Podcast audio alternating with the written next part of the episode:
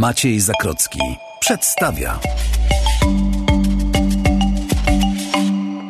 Dobry wieczór. Środę 7 czerwca w Radiu Tok FM, pierwszym radiu informacyjnym. Może część z Państwa pamięta ze szkoły taki wiersz Juliusza Słowackiego, w którym poeta między innymi pisał tak.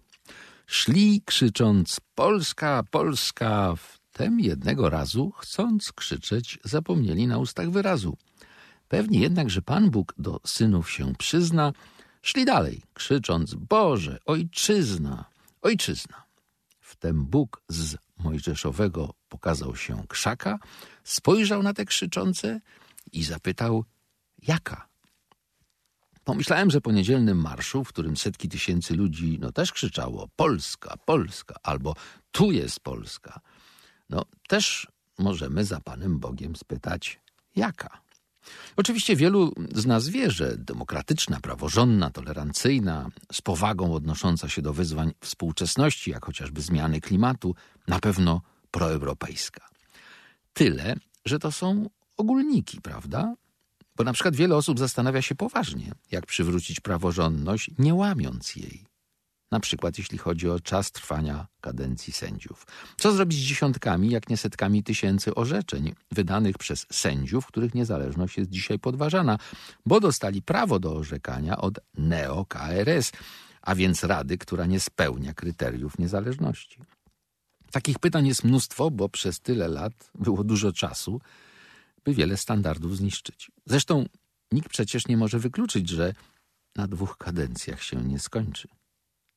Jednak ci, którzy no, by tego chcieli, żeby nie zasypiać gruszek w popiele, podrzucają partiom opozycyjnym pomysły na Polskę po PiSie, bo uważają, że pora je zacząć przedstawiać. Kilka dni temu w Centrum Solidarności w Gdańsku spotkali się reprezentanci organizacji pozarządowych i starali się te pomysły jakoś zebrać, stworzyć pewien katalog spraw ważnych, który trzeba będzie wypełniać coraz bardziej rozbudowaną treścią. O tym spotkaniu i owym katalogu opowie nam pani Karolina Drescher-Smalec, prezeska Ogólnopolskiej Federacji Organizacji Pozarządowych. Tu jednak wraca pytanie stawiane od wielu lat. Czy wyborcy oczekują programów, pomysłów na Polskę, czy paru nośnych haseł, które ich oczarują i spowodują, że oddadzą swój głos na akurat tę partię? Z całego programu PiSu y, w 2015 roku chyba nikt niczego nie pamięta poza 500+. To jest sens skupiać się na ich tworzeniu? Czego Polacy oczekują od polityków? Czy głosujemy przez rozum, czy jednak dominują emocje? A może tak silny jest już podział polityczny, że wyborcy stali się wyznawcami, jak często słyszę, i bez względu na wszystko będą popierać swoją partię? O tym w ten środowy wieczór, poświęcony portretowi Polaków, porozmawiam z panem Mateuszem Zarębą z SWPS w Warszawie. Myślę, że ciągle, będąc w tym pomarszowym uniesieniu, chętnie posłuchają Państwo wraz ze mną gości dzisiejszej audycji. Zapraszam. Maciej Zakrocki przedstawia. No i jest już z nami zapowiadana pani Karolina Drescher-Smalec, prezeska Ogólnopolskiej Federacji Organizacji Pozarządowych. Dobry wieczór. Dobry wieczór Państwu. Najpierw zapytam Panią, co to było za wydarzenie 3 E, czerwca podczas gdańskich obchodów Święta Wolności i Praw Obywatelskich? E, to wydarzenie to było coś bez precedensu, coś, e, co myślę będzie miało znaczenie, jeżeli zastanawiamy się o tym, jak ma wyglądać Polska i jak ma wyglądać Polska po wyborach, niezależnie od ich efektu. To było wydarzenie, w którym organizacje społeczne, organizacje pozarządowe przedstawiały propozycje zmian tego, w jaki sposób nasze życie, nasze codzienne życie, ale też i sprawy systemowe, sprawy ustrojowe powinny zmienić się e, po wyborach i właśnie w Gdańsku usłyszeliśmy 10 takich propozycji. Mhm. Zaraz oczywiście o nich porozmawiamy, ale tam w czasie tej, tej dyskusji, debaty no, pojawił się taki głos, no, dość zresztą popularny w ostatnim e, czasie, nawiązał do niego Edwin Bendyk z Fundacji Baterego, w którym powiedział, politycy nam mówią, że albo ludzie nie, nie czytają programów i właściwie to nie ma sensu, żeby w tej chwili przekazywać im, jakie my mamy pomysły na edukację, na prawa kobiet, czy politykę migracyjną, czy media, czy kulturę, czy samorządność i tak dalej. Musimy znaleźć dobry pomysł paru haseł, które będą na tyle silne, na tyle przekonujące, że ludzie będą chcieli powierzyć opozycji władzę. Bo jeśli nie powierzą opozycji władzę, to i to co z tego, że my im naobiecujemy różnych rzeczy i tak tego nie będziemy y, realizować. I jeszcze jedno dodam do, do, do tego wątku, czy do tego toku myślenia. Y, zapytajcie ludzi, czy pamiętają program wyborczy Zjednoczonej Prawicy z 2015 roku. Poza hasłem 500, nic nie pamiętają. I co pani na to? No my stoimy trochę jednak na innym, e, e, na innym stanowisku. Oczywiście każde, każde propozycje trzeba dobrze przekazać. To, o czym mówiliśmy w Gdańsku i właśnie to, co było dużym wyzwaniem, ale wydaje nam się, że właśnie się udało, było powiedzenie o tym, w jaki sposób zmieniać duży kawałek wymagający zmiany i staraliśmy się to zrobić w ciągu pięciu minut. E, oczywiście nie wyczerpuje to tematu i tak naprawdę te dyskusje są dużo bardziej zaawansowane, ale to w jaki sposób przedstawimy nasze propozycje nie zmienia faktu, że same propozycje powinny być dobrze przygotowane i powinny bezpośrednio odpowiadać na potrzeby. I tutaj wydaje mi się coś, co jest ważnym, e, ważnym, ważną informacją dla nas wszystkich, że te propozycje to są propozycje organizacji pozarządowych i można by zapytać, partie coś proponują, organizacje pozarządowe coś proponują, kto się w tym połapie. Ale jeżeli zadamy sobie pytanie, czym są organizacje pozarządowe i szybko sobie na nie odpowiemy, organizacje pozarządowe to nikt inny jak my, aktywni obywatele i obywatelki, którzy mając pewien dodatkowy zasób energii, który, który nie wykorzystują jedynie mm, na, na codzienność e, i jakby swoją sferę prywatną, ale są w stanie, są gotowi i gotowe zaangażować się w tą sferę publiczną, że to oni i one tworzą organizacje pozarządowe, to wtedy widzimy, jak ważne jest, żeby propozycje, które aktywni obywatele i obywatelki działające w sposób zorganizowany w organizacjach pozarządowych kładą na stole i to jest, to też było to zadanie, żeby pokazać politykom, pokazać tym, którzy tworzą programy wyborcze, że propozycje obywateli na to, w jaki sposób chcemy, w jaki sposób rozumiemy, w jaki sposób widzimy, że powinna, powinno zostać ulepszone w nasze, w nasze państwo w bardzo wielu obszarach, bo, e, bo te obszary zaczynają się od tematów praworządności, E, Trybunału Konstytucyjnego po rzeczy, które właściwie dotykają każdego z nas, jak edukacja, któż nie ma kogoś w rodzinie, kto jest w tej chwili w szkole, prawa uczniów, prawa kobiet, cała polityka migracyjna i te wyzwania, z którymi ostatnio również jako obywatele i obywatelki mierzyliśmy się i cały czas się mierzymy, bo myślę, że to jest też ważny aspekt pokazywania, skąd bierze się ta wiedza. Tutaj nad dziesięcioma dużymi tematami, które są jedynie wycinkiem prac przygotowywanych w sektorze pozarządowym, pracują przedstawiciele organizacji, pracują eksperci, ale ta wiedza bierze się bezpośrednio z działania, z tego, co dzieje się najniżej ze wszystkich możliwych form, natomiast ono dzieje się lokalnie, dzieje się tuż obok nas. I myślę, że zrozumienie, że tak naprawdę te argumenty, dowody, rozwiązania bo tak też stawiamy te e, propozycje. To nie są bynajmniej roszczenia, które muszą zostać zagospodarowane w programach partyjnych najlepiej nośnym hasłem. To są tak naprawdę propozycje, e, gotowe propozycje reakcji, gotowe plany na tworzenie nowych rozwiązań oparte na głębokiej refleksji i tym doświadczeniu codziennych działań nas jako obywateli. Więc myślę, że patrząc na, te, na, te, na to wydarzenie gdańskie, na te propozycje, które organizacje przedstawiły właśnie w takim świetle, staramy się pokazać, że to jest właśnie to, czego obywatele i obywatelki e, chcą i jednocześnie pokazać, jak ważne jest, żeby politycy jak najszybciej zrozumieli, że głos obywateli i obywatelek zorganizowanych e, w organizacjach pozarządowych jest dla nich kluczowo ważny.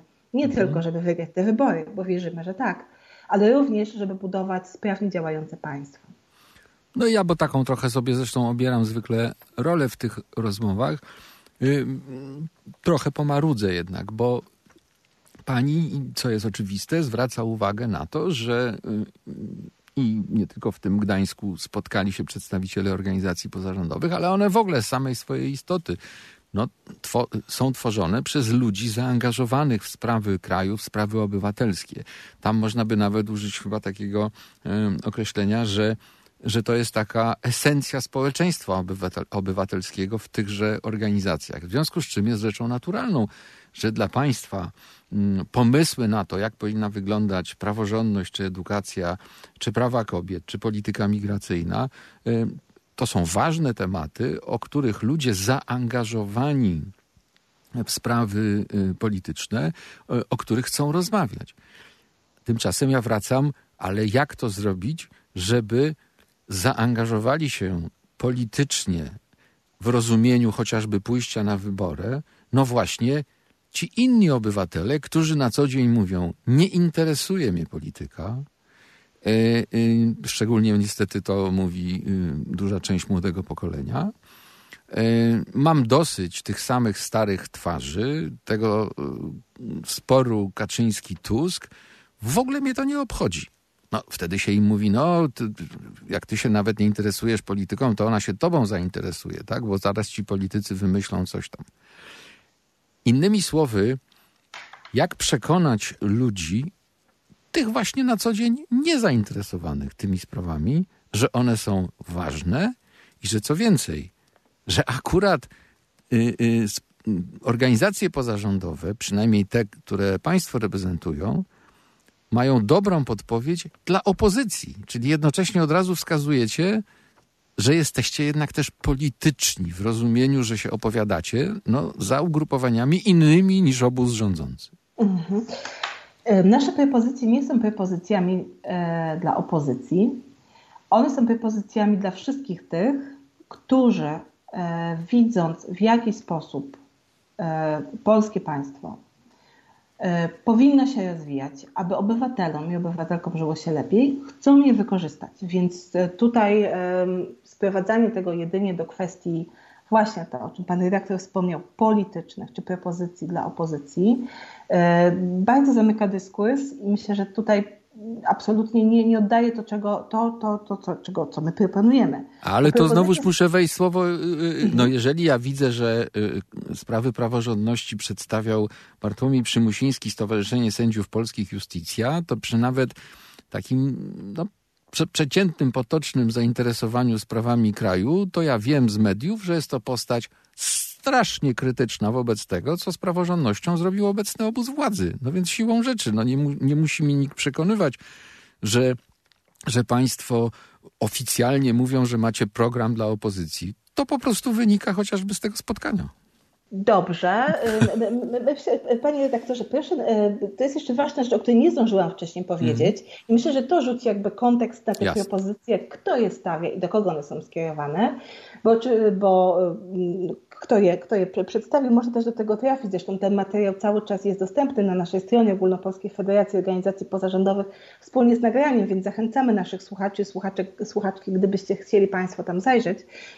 E, bo pytanie, co łączyło te wszystkie osoby, które wtedy zasiadły e, w Gdańsku tego 3 czerwca, łączyło ich jedno, wspólne poczucie, e, że chcemy żyć w Polsce wolnej i demokratycznej. I rzeczywiście w bardzo takim spłaszczonym dyskursie można by wysnuć wniosek, że, e, no, że jednak Polska, zresztą co, co potwierdzają już kolejne wyroki um, i z poziomu Komisji Europejskiej, z poziomu Trybunału Europejskiego i z poziomu naszych sądów, no mhm. niestety nie przestrzega różnych, e, różnych wartości. Więc w tym kontekście rzeczywiście można by powiedzieć, że tam siedzieli ci, dla których wolność, praworządność, demokracja, prawa człowieka były ważne i to jest rzeczywiście ten wspólny mianownik, o którym my, o którym my również e, mówiliśmy wtedy w Gdańsku, podsumowując tę, tę dyskusję. Mhm. E, I, I to jest jak gdyby ważne, żeby pokazać, że, że, że o tym mówimy. Mówimy o Polsce, w tym obywatel czy obywatelka, niezależnie od tego, jaką przyjmiemy rolę. Pan redaktor studio, ja rozmawiam z Panem jako przedstawiciel organizacji, są Państwo w polityce, są Państwo, którzy pracują w różnych sektorach prywatnych, sektorach publicznych, ale każdy z nas, i to też nas łączy, wraca do swojego domu, zdejmuje płaszcz, zakłada kapcie, robi sobie kawę i zakładam, że chce żyć w państwie, które szanuje jego prawa, które jest e, otwarte na jego potrzeby, które chce zapewnić mu rozwój, zapewnić mu przewidywalność, zapewnić mu życie w państwie szanującym praworządność. I myślę, że jeżeli spojrzymy na ten kontekst, że jako mhm. obywatele chcemy mieć państwo, które słyszy nasz głos, ale szanuje nasze prawa, to rzeczywiście te propozycje zbierają, zbierają się w jeden obraz, w którym właśnie nasz kraj, niezależnie od decyzji wyborczych i niezależnie od decyzji e, nas, wyborców przy urnach, będzie krajem otwartym dla nas wszystkich i będzie respektował nasze prawa. No dobrze, y, to jeszcze tylko zapytam w takim razie y,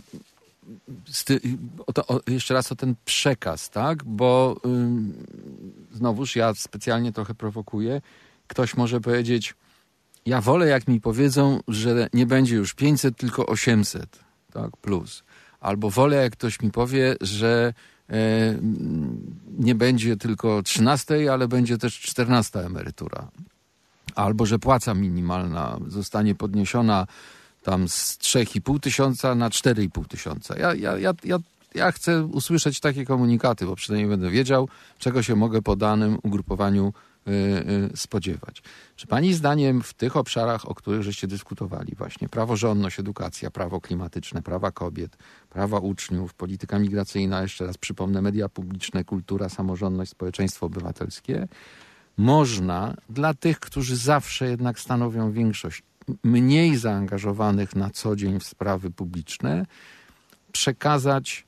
Ja nie chcę tego sprowadzać tylko do pieniędzy, jak to zrobiłem przed chwilą, bo to by wulgaryzowało ten przekaz, tak? Ale właśnie no, przekazać jakieś takie, takie hasło. One się tam pojawiły w czasie tej dyskusji. Na przykład pan Łukasz Korze, yy, yy, Korzeniowski mówił, czy apelował, nie śpijcie, bo was przegłosują, tak? No, moim zdaniem piękny apel dla młodych ludzi, którzy, co nawet pokazywał ostatni marsz 4 czerwca, w mniejszym stopniu są zaangażowani właśnie w sprawy publiczne, polityczne, obywatelskie niż nieco starsze pokolenie. Czy, czy macie pomysł na to dotarcie do tych ludzi? Już nawet na przykładzie konkretnych tematów. Mhm. E, rzeczywiście to spotkanie w Gdańsku i e, przedstawienie tych postulatów to jest jedna z, ról organizacji pozarządowych i myślę, że to też dobrze, żebyśmy o tym pamiętali jako obywatele, że to jest właśnie sposób wpływania na polityki publiczne. I one odbywają się w, w ten sposób nieco bardziej skomplikowany, który rzeczywiście wymaga dodatkowych możliwości, chociażby czasowych, żeby móc się jakby przyglądać i zaangażować który polega właśnie na zbieraniu poszczególnych, na obserwowaniu potrzeb, zbieraniu różnych argumentów i tworzeniu z tego pewnych propozycji polityk e, publicznych, czy propozycji konkretnych rozwiązań. Rzeczywiście jest to już e, temat, który właśnie wymaga od nas, obywateli, nieco więcej czasu, żeby móc się temu zaangażować. Ale proszę pamiętać, że właśnie te propozycje dlatego są tak ważne, bo one nie opierają się tylko na analizie eksperckiej. One opierają się na tym, co my jako organizacje pozarządowe widzimy na co dzień. E, widzimy w swoich codziennych działaniach, gdzie, między, gdzie czy państwo, czy samorządy, e, czy sektor prywatny nie jest w stanie zapewnić nam, obywatelom, spełnienia określonych naszych potrzeb. I wtedy właśnie organizacje pozarządowe, i myślę, że tutaj takie bardzo konkretne przykłady, jak to, ile szkół, bo ponad 2000 szkół w Polsce prowadzonych jest właśnie przez organizacje pozarządowe. Najczęściej są to szkoły w małych miejscowościach. Więc w tej chwili wszyscy z, z nas, wszyscy, wszyscy z Państwa, którzy mieszkają w tych małych miejscowościach, mają małe gminne szkoły i wiedzą, jak ważnym są one elementem całej strukturze społeczności lokalnych, jak ważnym są one centrum, centrum rozwoju samej gminy czy samej, samej jednostki, wsi i, i, i okolicznych miejscowości. I teraz, kiedy zrozumiemy, że większość tych szkół jeżeli nie, e, nie będzie odpowiednich zapisów prawnych, może upaść. One już dawno powinny bardzo często upaść, bo rynek oszacował, że są one nie, nie przynoszące zysków, a samorząd bardzo często oszacował, że nie ma już zasobów do ich, do ich prowadzenia. I wtedy właśnie organizacje pozarządowe, czyli jeszcze raz powtórzę, my, obywatele, obywatelki, widząc jak ważną taka szkoła pełni dla swojej społeczności rolę, podejmujemy ten wysiłek, żeby ona jednak istniała i jak wiele dodatkowych wartości, właśnie niemierzonych pieniędzmi, bo tutaj pan redaktor próbuje mnie zapytać o konkretne wyliczenia. Wiem, że to jest najbardziej chwytliwe, gdybym mogła powiedzieć, że w tych propozycjach znalazły się zapisy dodatkowych pieniędzy. Propozycje, które przedstawiamy jako organizacje, w większości w ogóle nie odnoszą się do kwestii dodatkowych środków czy do dystrybucji środków, ale kwestie społeczne i jakby też będące mm, pod, e, nad którymi pracują organizacje, są niesamowicie ważne, bo tak naprawdę jeżeli jesteśmy w stanie na co dzień kupić butów swojemu dziecku, bardzo trudno nam jest znaleźć czas na to, żeby interesować się sprawami bardziej skomplikowanymi, jak mm. kwestie Trybunału Konstytucyjnego. Ale jedno nie wyklucza drugiego, więc widzenie tego, w jaki sposób, i myślę, że tutaj może też e, podkreślając trochę ten coś, co dotyka bezpośrednio naszych serc, bo to też być może będzie dla nas i dla Państwa słuchaczy i słuchaczek ciekawe, w jaki sposób dwa ostatnie, największe kryzysy, jakie spotkały nas w ciągu kilku lat, kryzys pandemii, a zaraz potem tragedia wojny i to w jaki sposób właśnie te skomplikowane struktury państwa nie były w stanie zadziałać, w jaki sposób my, obywatele, na to reagowaliśmy i w jaki sposób właśnie budować silne państwo, które być może przy kolejnych wyzwaniach będzie musiało szybko zareagować. I znowu ta reakcja najczęściej pójdzie właśnie od dołu. Zrobimy to my, obywatele i obywatelki. I aby ten system dobrze działał, on musi uwzględniać te postulaty, które właśnie obywatele i obywatelki zorganizowane w swoich organizacjach przedstawiają w tych różnych obszarach, czy to są tematy bardzo e, odległe naszemu życiu codziennemu, jakim jest być może Trybunał Konstytucyjny, po takie bardzo codzienne, jak szanowanie praw uczniów i nauczycieli w szkołach, jak e, zapewnienie odpowiedniego poziomu edukacji naszym dzieciom, wnukom i znajomym. E, kwestie klimatyczne, to, że możemy żyć bez smogu, i że nasze zdrowie może być w dobrej kondycji jak najdłużej. Więc jeżeli spojrzymy nie przez pryzmat pieniędzy, ale przez pryzmat jakości naszego życia, mierzonego właśnie tym, że możemy, e, możemy w pełni z niego korzystać, mieszkając e, w państwie, które zapewnia nam właśnie odpowiedź na nasze potrzeby, okaże się nagle, że te propozycje wcale nie są tak bardzo oddalone i że właśnie one konsumują większość z tych, z tych potrzeb, które pojawiają się wśród obywateli. No to jeszcze chciałem zapytać o, y, y, o, o, o, tą, ten pomysł państwa na zaangażowanie, no głównie właśnie młodych ludzi. Wspomniałem o tym haśle, ale jak wiemy, sprawa jest bardzo poważna, bo wiele środowisk zwraca uwagę na to, że jak były właśnie protesty przeciwko pierwszym próbom i potem kolejnym y, łamania praworządności, no to nawet było coś w rodzaju takiej, mm, takiej niechęci młodego pokolenia do tych starszych, którzy wychodzili na ulicę i protestowali. Niechęci na zasadzie, a dziadki se znowuż tam przypominają swoją młodzież, młodość z czasów Solidarności i, i, i dlatego to, to robią. Jakby w ogóle nie było właśnie zrozumienia, dlaczego to jest robione i jak ważna jest praworządność. Jeżeli dzisiaj Państwo w swoim właśnie tym zestawie na to zwracacie uwagę, a nawet jest to, nawet jeśli przyjmiemy, że, że może kolejność nie była jednocześnie jakoś, y, jakimś sygnałem hierarchizacji tych problemów, no ale jest na pierwszym miejscu. Jak, jak można właśnie dotrzeć do, y, do tych ludzi, którzy uważają, że ta polityka mnie nie interesuje, żeby oni naprawdę uwierzyli, że, że ta polityka się w którymś momencie zainteresuje nimi. Ja pamiętam e, niedawno zresztą na ten temat e, e, też tu w radiu rozmawiałem z osobą bardzo zaangażowaną w protesty po mm, wyroku Trybunału w sprawie prawa aborcyjnego. I ona sama w takim wspomnieniu z, roz, z rozgoryczeniem pisała, jak po dwóch tygodniach od wybuchu tych protestów przychodziło, mówi nas, mniej niż policji na te protesty. I, i teraz co, co można zrobić, szczególnie znowuż po tym 4 czerwca wracam do tego, żeby pewnego rodzaju, przynajmniej ten demonstrowany w Warszawie, jak, jakiś taki, yy, taki entuzjazm, że można coś zrobić, że można coś zmienić, przełożył się właśnie potem już na taką codzienną aktywność, interesowanie się tymi sprawami publicznymi i wreszcie pójściem na wybory. To ważne pytanie, które pan redaktor stawia. Nie ma szybkiej, krótkiej odpowiedzi.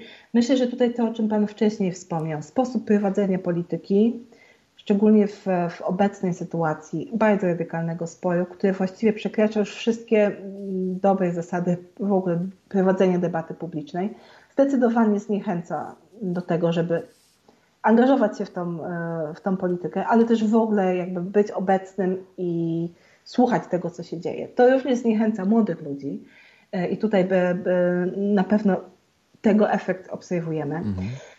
To co, to, co zauważamy, i to też między innymi jest pokazane w jednych z postulatów właśnie dotyczących edukacji, jak dużo złego zrobiło brak odpowiedniej edukacji obywatelskiej, czyli uczenia właściwie już od przedszkoli przez cały system edukacji, czym jest, mhm. jakie jest miejsce obywatela w państwie, jakie daje mu prawa, ale jakie też nakłada na niego obowiązki, na ile my, obywatele, możemy mieć wpływ właśnie na to, co dzieje się w naszym państwie.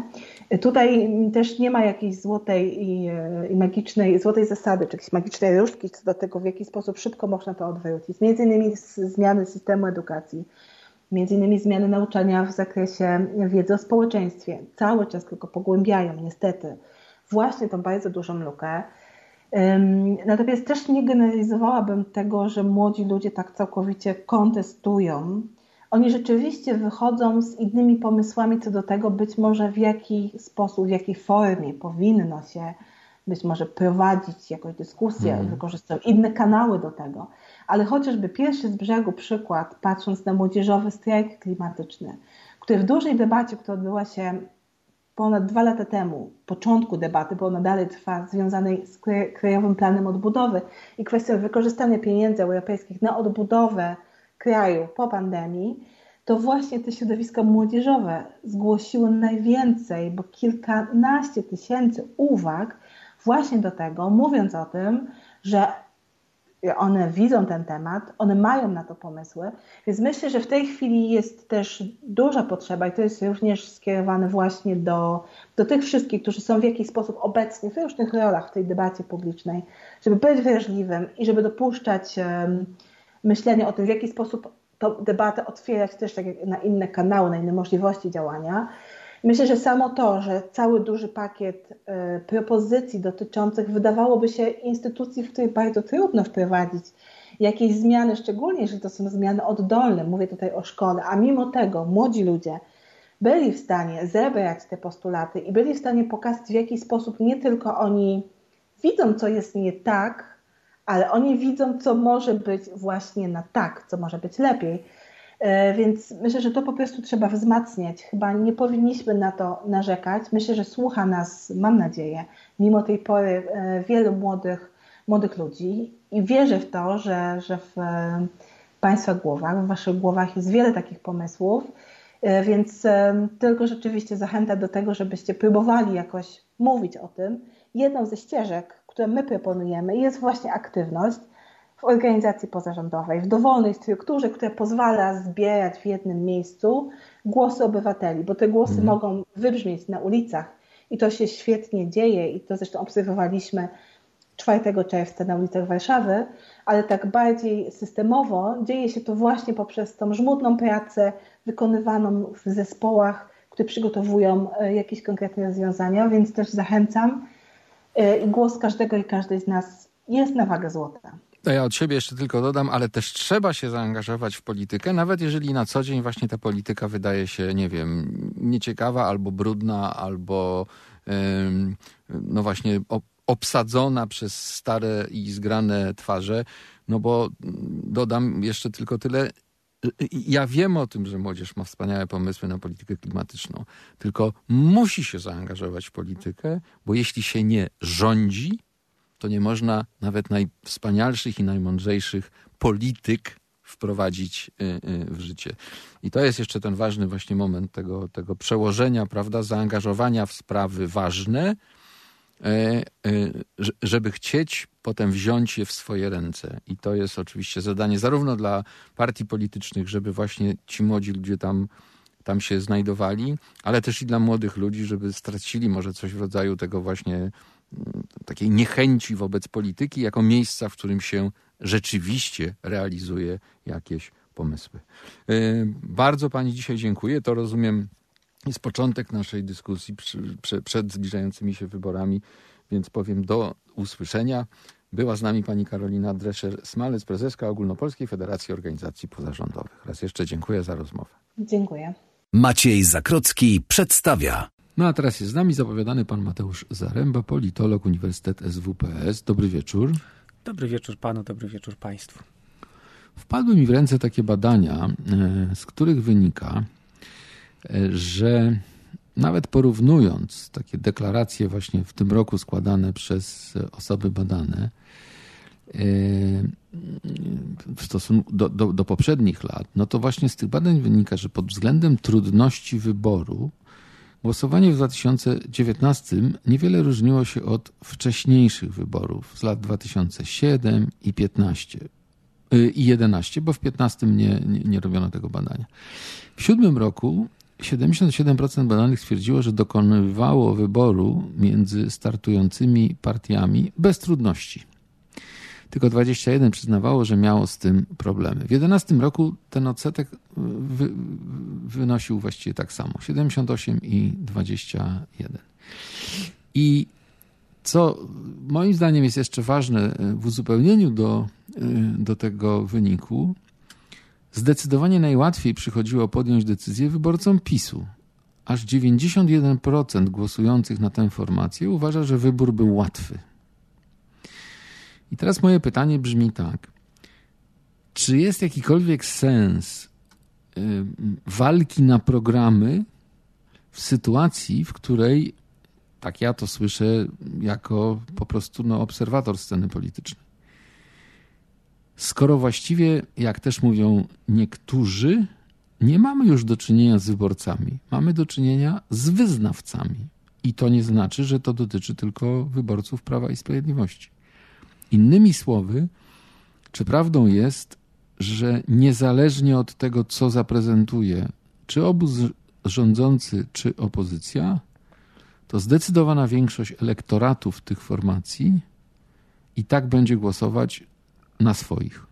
To bardzo ciekawe pytanie, muszę tak powiedzieć, dlatego że mm, to wiąże się z tak zwaną chwiejnością wyborczą i w Polsce z drugiej strony jeszcze dodatkowym zjawiskiem tak zwanej kapryśności wyborczej, to znaczy, bo mamy dwie kategorie, które, e, które opisują zmiany poparcia dla partii politycznych, a mianowicie chwiejność, czyli e, zmiana popieranej partii i, mm, e, i kapryśność, czyli przechodzenie od, od głosowania do niegłosowania i odwrotnie.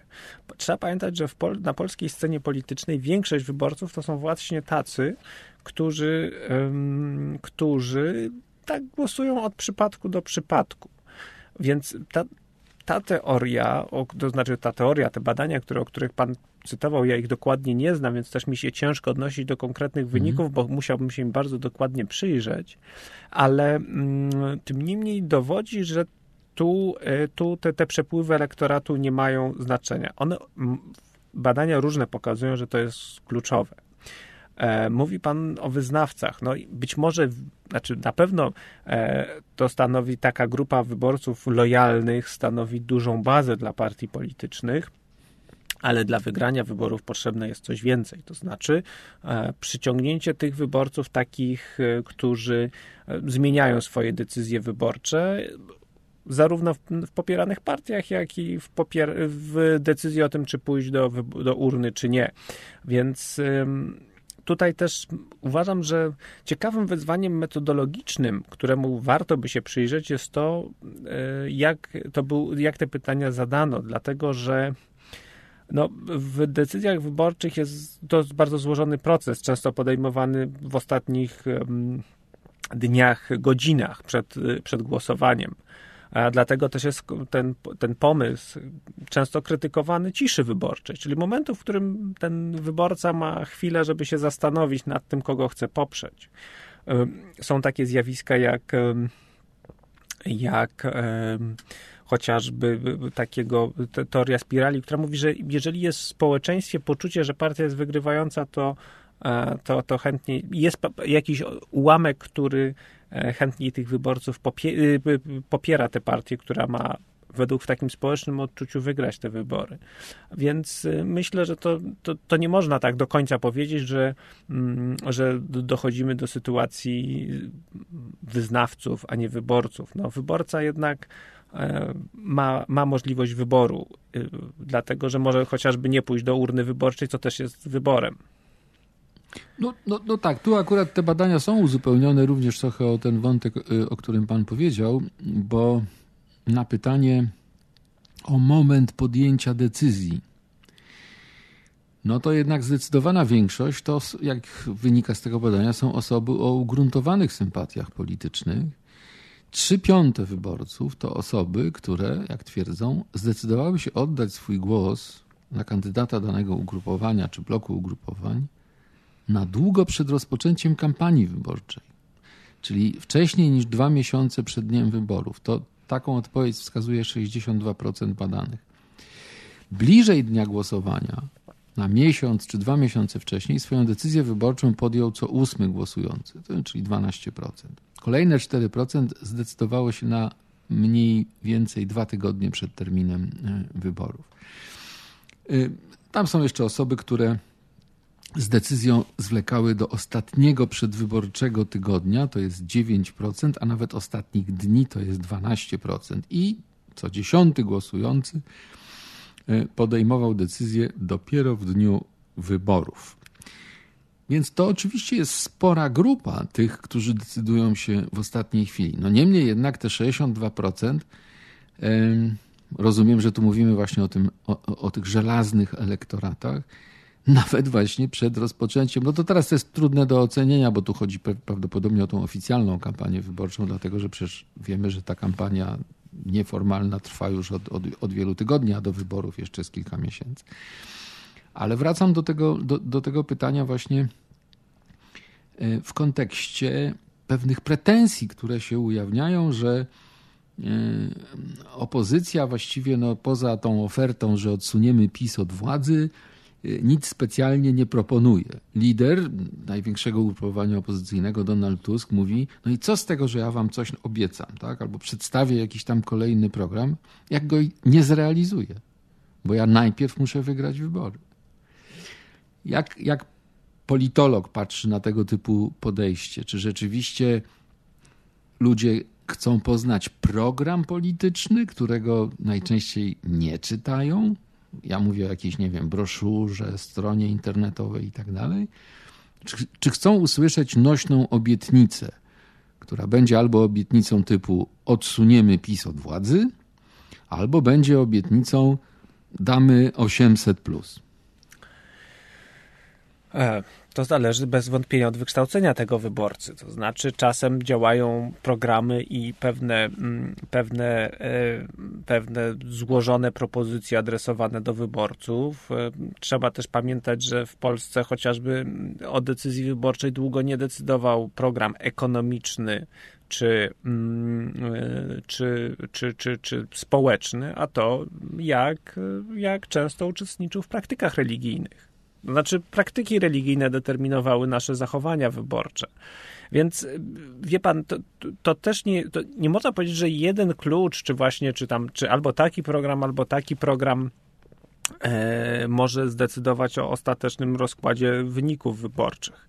E, ważną cechą ważną cechą wyników wyborów jest to, że czasem decy- oczywiście de- ważna jest cała pula kilku milionów głosów zebranych przez partię wygrywającą, ale czasem te różnice są em, kilkunasto, kilkudziesięciotysięczne. E, trzeba pamiętać, że też funkcjonujemy w pewnych granicach instytucjonalnych, to znaczy tym, że chociażby mamy progi wyborcze.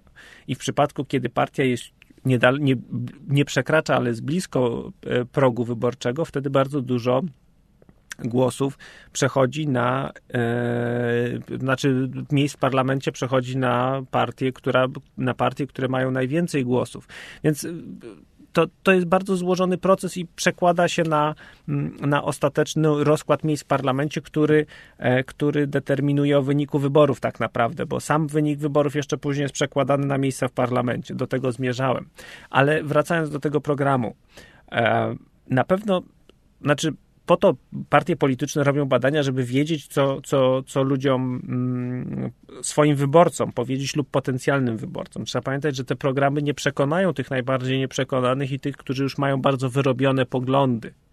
To są właśnie adresowane są po to do tych, którzy mają być zmotywowani do udziału w głosowaniu lub zdemotywowani ze względu na to, że stanowią taki potencjalny elektorat partii opozycyjnej e, czy przeciwnej.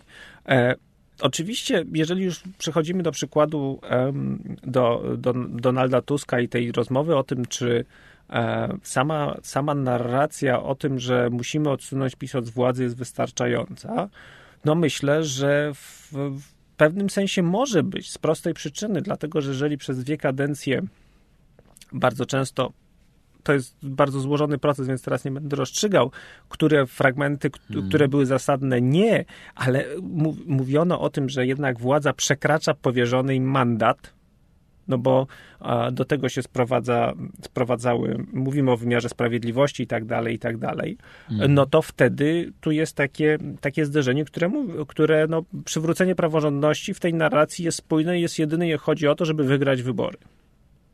Więc moim zdaniem w pewnym sensie jest to wystarczający, mm, może być wystarczający program. No ale to znaczy, że właśnie no, ci, którzy mówią, y, no ale też musicie coś zaproponować. I tak jak y, o tym była rozmowa w pierwszej części audycji, trzeba ludziom powiedzieć, jaką macie odpowiedź na, y, na pytanie, co zrobić właśnie z praworządnością, jak chcielibyście ją naprawić, co, co zrobić z polityką klimatyczną, e, jak powinna dalej wyglądać edukacja, tak? E, jak powinny wyglądać media publiczne, skoro również w tej nieformalnej kampanii bardzo często podnoszony jest ten wątek, że te media stały się partyjne i, i wypełniają właściwie funkcje mediów wspierających jedynie obóz rządzący. Jaki macie pomysł na samorządność, na, na, na kulturę i tak dalej. No, no i z jednej strony wydawać by się mogło, tak, no, no, że rzeczywiście te odpowiedzi na te pytania powinny się, się pojawić, tylko właśnie w zderzeniu potem z, z tą odpowiedzią, trzymajmy się symbolicznie oczywiście tego Donalda Tuska, który mówi, no i co z tego, że ja wam powiem, jak ja nie wiem, służbę zdrowia bym sobie wyobrażał. No, jak, i, jak nie będę rządził, no to to nie ma sensu, żebym ja wam to opowiadał.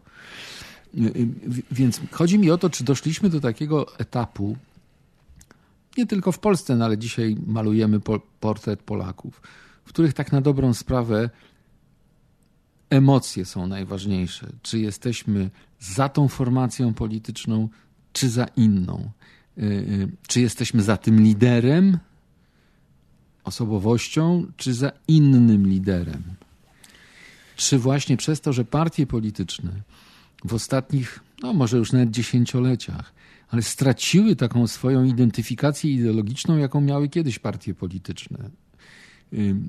Niektóre zresztą z tych klasycznych, prawda, wiemy, zniknęły wiem, we Francji socjaliści czy we Włoszech. Czy, czyż właśnie ta ideologia i, i, i program tak naprawdę kompletnie nie mają znaczenia. A na dodatek jeszcze dorzucę na koniec ostatni wątek. Pan powiedział, że partie polityczne badają nastroje społeczne po to, żeby się mniej więcej zorientować, czego ludzie oczekują. No ale to w efekcie może powodować sytuację, że jak z badań im wyjdzie, że mają obiecać to czy tamto, to obiecają. No, tylko dlatego, że tak wynika z badań, a, a nie może z wewnętrznego przekonania liderów tych ugrupowań, że tak należałoby to zrobić. Zdecydowanie tak. Ja myślę więcej, że partie polityczne też w przeszłości miały taką umiejętność trochę edukowania obywateli, w tym sensie, że tłumaczenia, to był oczywiście długi proces, w tym sensie, że e, to nie, to nie jest tak, że ktoś raz wyjdzie i coś obieca, powie czy, czy, czy wyjaśni, ale podej- tłumaczenia, mm, tłumaczenia mm, obywatelom, co czasem trzeba zrobić, ale, mm, ale to nie będzie zawsze po ich myśli. No, takim przykładem, moim zdaniem, który który jest, e, który jest bardzo emblematyczny dla takiej edukacji obywatelskiej, jest wiek emerytalny. E, Platforma Obywatelska prawdopodobnie w pewnej części przez, ten, przez, tą, przez podniesienie wieku emerytalnego straciła władzę w 2015 roku, e, bo nie potrafiła obywatelom wytłumaczyć, dlaczego to musi być zrobione. To znaczy, jak widzimy dzisiaj, we, no dzisiaj no, niedawno we Francji, to się odbiło szerokim echem. Te, te problemy cywilizacyjne są. Przypominam, że jak e, wprowadzano wiek emerytalny, to między, różnica między wiekiem przejścia na emery, y, wejścia w wiek emerytalny, a średnią długością życia to było 10 lat. Dziś jest to, dochodzimy u kobiet do 20. Znaczy, rachunek ekonomiczny jest bardzo ciężki do y, sumowania, zrównoważenia. Więc to przykład, to jest dobry przykład tego, że partie polityczne ze swoim programem powinny iść bardzo konsekwentnie i wyraźnie do obywateli. W tym sensie, że edukować ich, dlaczego te rozwiązania, w pewnym sensie narzucać pewien ton, a nie, mm, a nie tak jak pan powiedział, tylko mówić to, co obywatel chce usłyszeć. Bo też obywatel nie ma czasu, cza- znaczy za to się też płaci politykom, żeby oni z publicznych pieniędzy, żeby oni, e, ja nie chcę powiedzieć, myśleli za obywateli, ale mm, wybierali te rozwiązania pewne, które są dla nich korzystniejsze. Bo to jest, no tylko, na że... tym polega ta praca tak naprawdę, bo to jest praca. No tylko, że w tym momencie trochę zaczynamy gubić w ogóle ten sens wyborów z punktu widzenia właśnie formacji politycznych, tak? No bo jeżeli ja też słyszę, że, że, że wykorzystywanie, no już nie mówię nawet o sztucznej inteligencji, bo to jest coś, o czym mówimy tak bardzo dużo od, nie wiem, mówię w przestrzeni publicznej od roku czy dwóch, ale jeszcze wcześniej się mówiło, że, że profilowanie y, wyborców, chociażby przez ich zachowania w mediach społecznościowych, może spowodować, że program polityczny partii, no wtedy się mówiło o Stanach Zjednoczonych, na przykład Partii Demokratycznej, inaczej będzie formułowany y, y, do wyborców, nie wiem, północy Stanów Zjednoczonych, a inaczej do południa to będzie dalej ta sama partia, ale będą ludziom mówić to, co ludzie chcą usłyszeć. No innymi słowy, właśnie chodzi mi o to, czy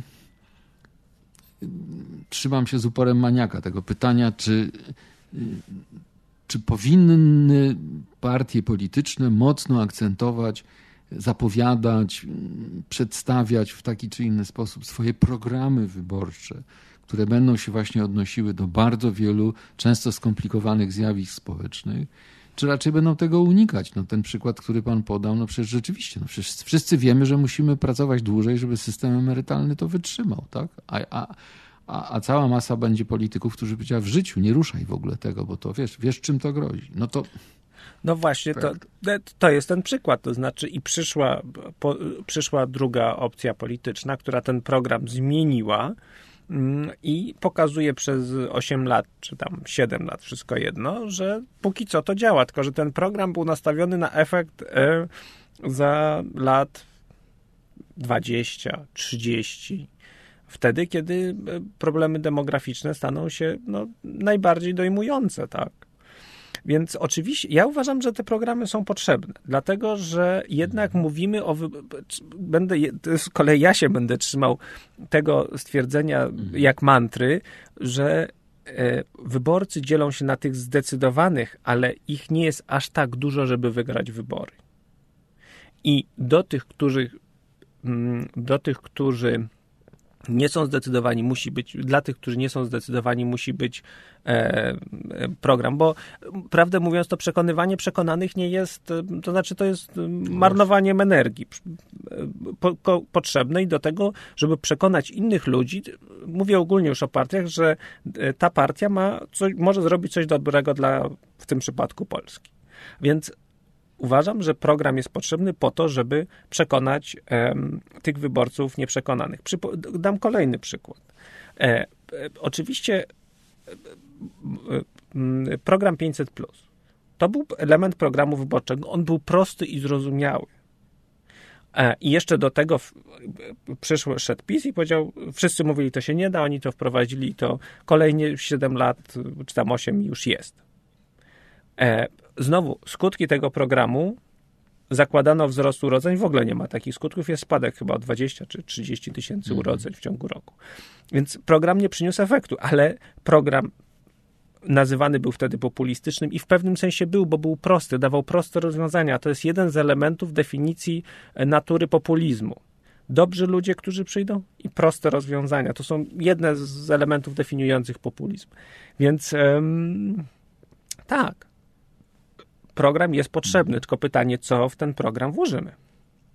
To I my jako... No, no znaczy, to, co ja nie chcą usłyszeć. E, tylko, że trzeba też pamiętać, że różne elektoraty różne rzeczy chcą usłyszeć. I tutaj liczy się ogólna wiedza, wykształcenie. No, różne czynniki determinują to, na kogo głosujemy. Mówimy tutaj o takich strukturalnych rozwiązaniach. No, trzeba też pamiętać o tym, że, że czynniki ekonomiczne też wpływają na, na, mm, na decyzje wyborcze i już od naprawdę, nie mówię o ostatnich latach, tylko e, nawet latach 90. i wcześniej, e, rząd, prezydenci amerykańscy w momencie, kiedy zbliżały się wybory, starano się na tyle zarządzać gospodarką, żeby czynniki ekonomiczne miały duży, żeby były korzystne dla, dla, dla władzy w momencie wyboru.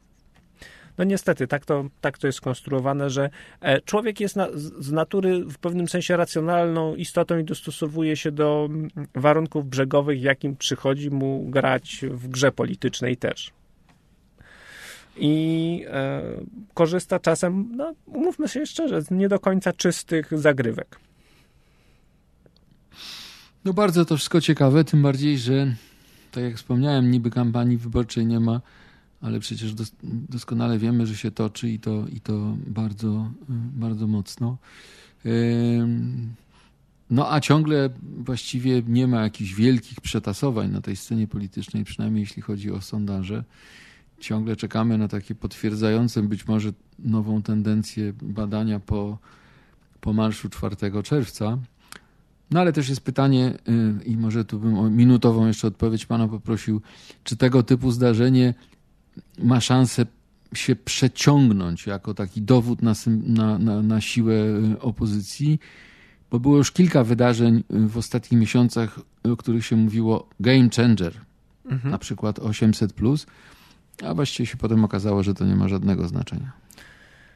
Wyniki sondaży zazwyczaj przed, przed samymi wyborami mm, się trochę zmniejszają. To znaczy, mm, to jest ta rywalizacja polityczna i organizacja kampanii wyborczej powoduje, że partie mobilizują swoje elektoraty i ludzie często, częściej te różnice zazwyczaj się trochę niwelują. E, pytanie, znaczy oczekiwanie od nauk społecznych, że przewidzą w momencie wydarzania się zdarzeń, które będą przełomowe, a które nie, historyczne, czy jakieś wpływające na trwałe zmiany, trudno powiedzieć w tym momencie. Niestety nauki społeczne tego nie potrafią przewidzieć i dopiero po efektach, po owocach, mówiąc biblijnie, mm, zobaczymy, zobaczymy jaki był efekt. E, trzeba pamiętać, że w 2015 roku Platforma w sondażach prowadziła do momentu przegrania przez Bronisława Komorowskiego wyborów prezydenckich. No właśnie. Bardzo dziękuję za dzisiejsze spotkanie. Mateusz Zaręba, politolog Uniwersytet SWPS był naszym gościem. Dziękuję bardzo. Dobrej nocy, dobrego, długiego weekendu. Dobranoc Państwu, dobranoc Panu. I to samo dla słuchaczy. Słyszymy się co prawda jeszcze w piątek, ale jutro jutro wolne, jutro święto. Yy, podziękowania dla Małgorzaty Włóczyńskiej, wydawczyni, a zatem słyszymy się w piątek o tej samej porze.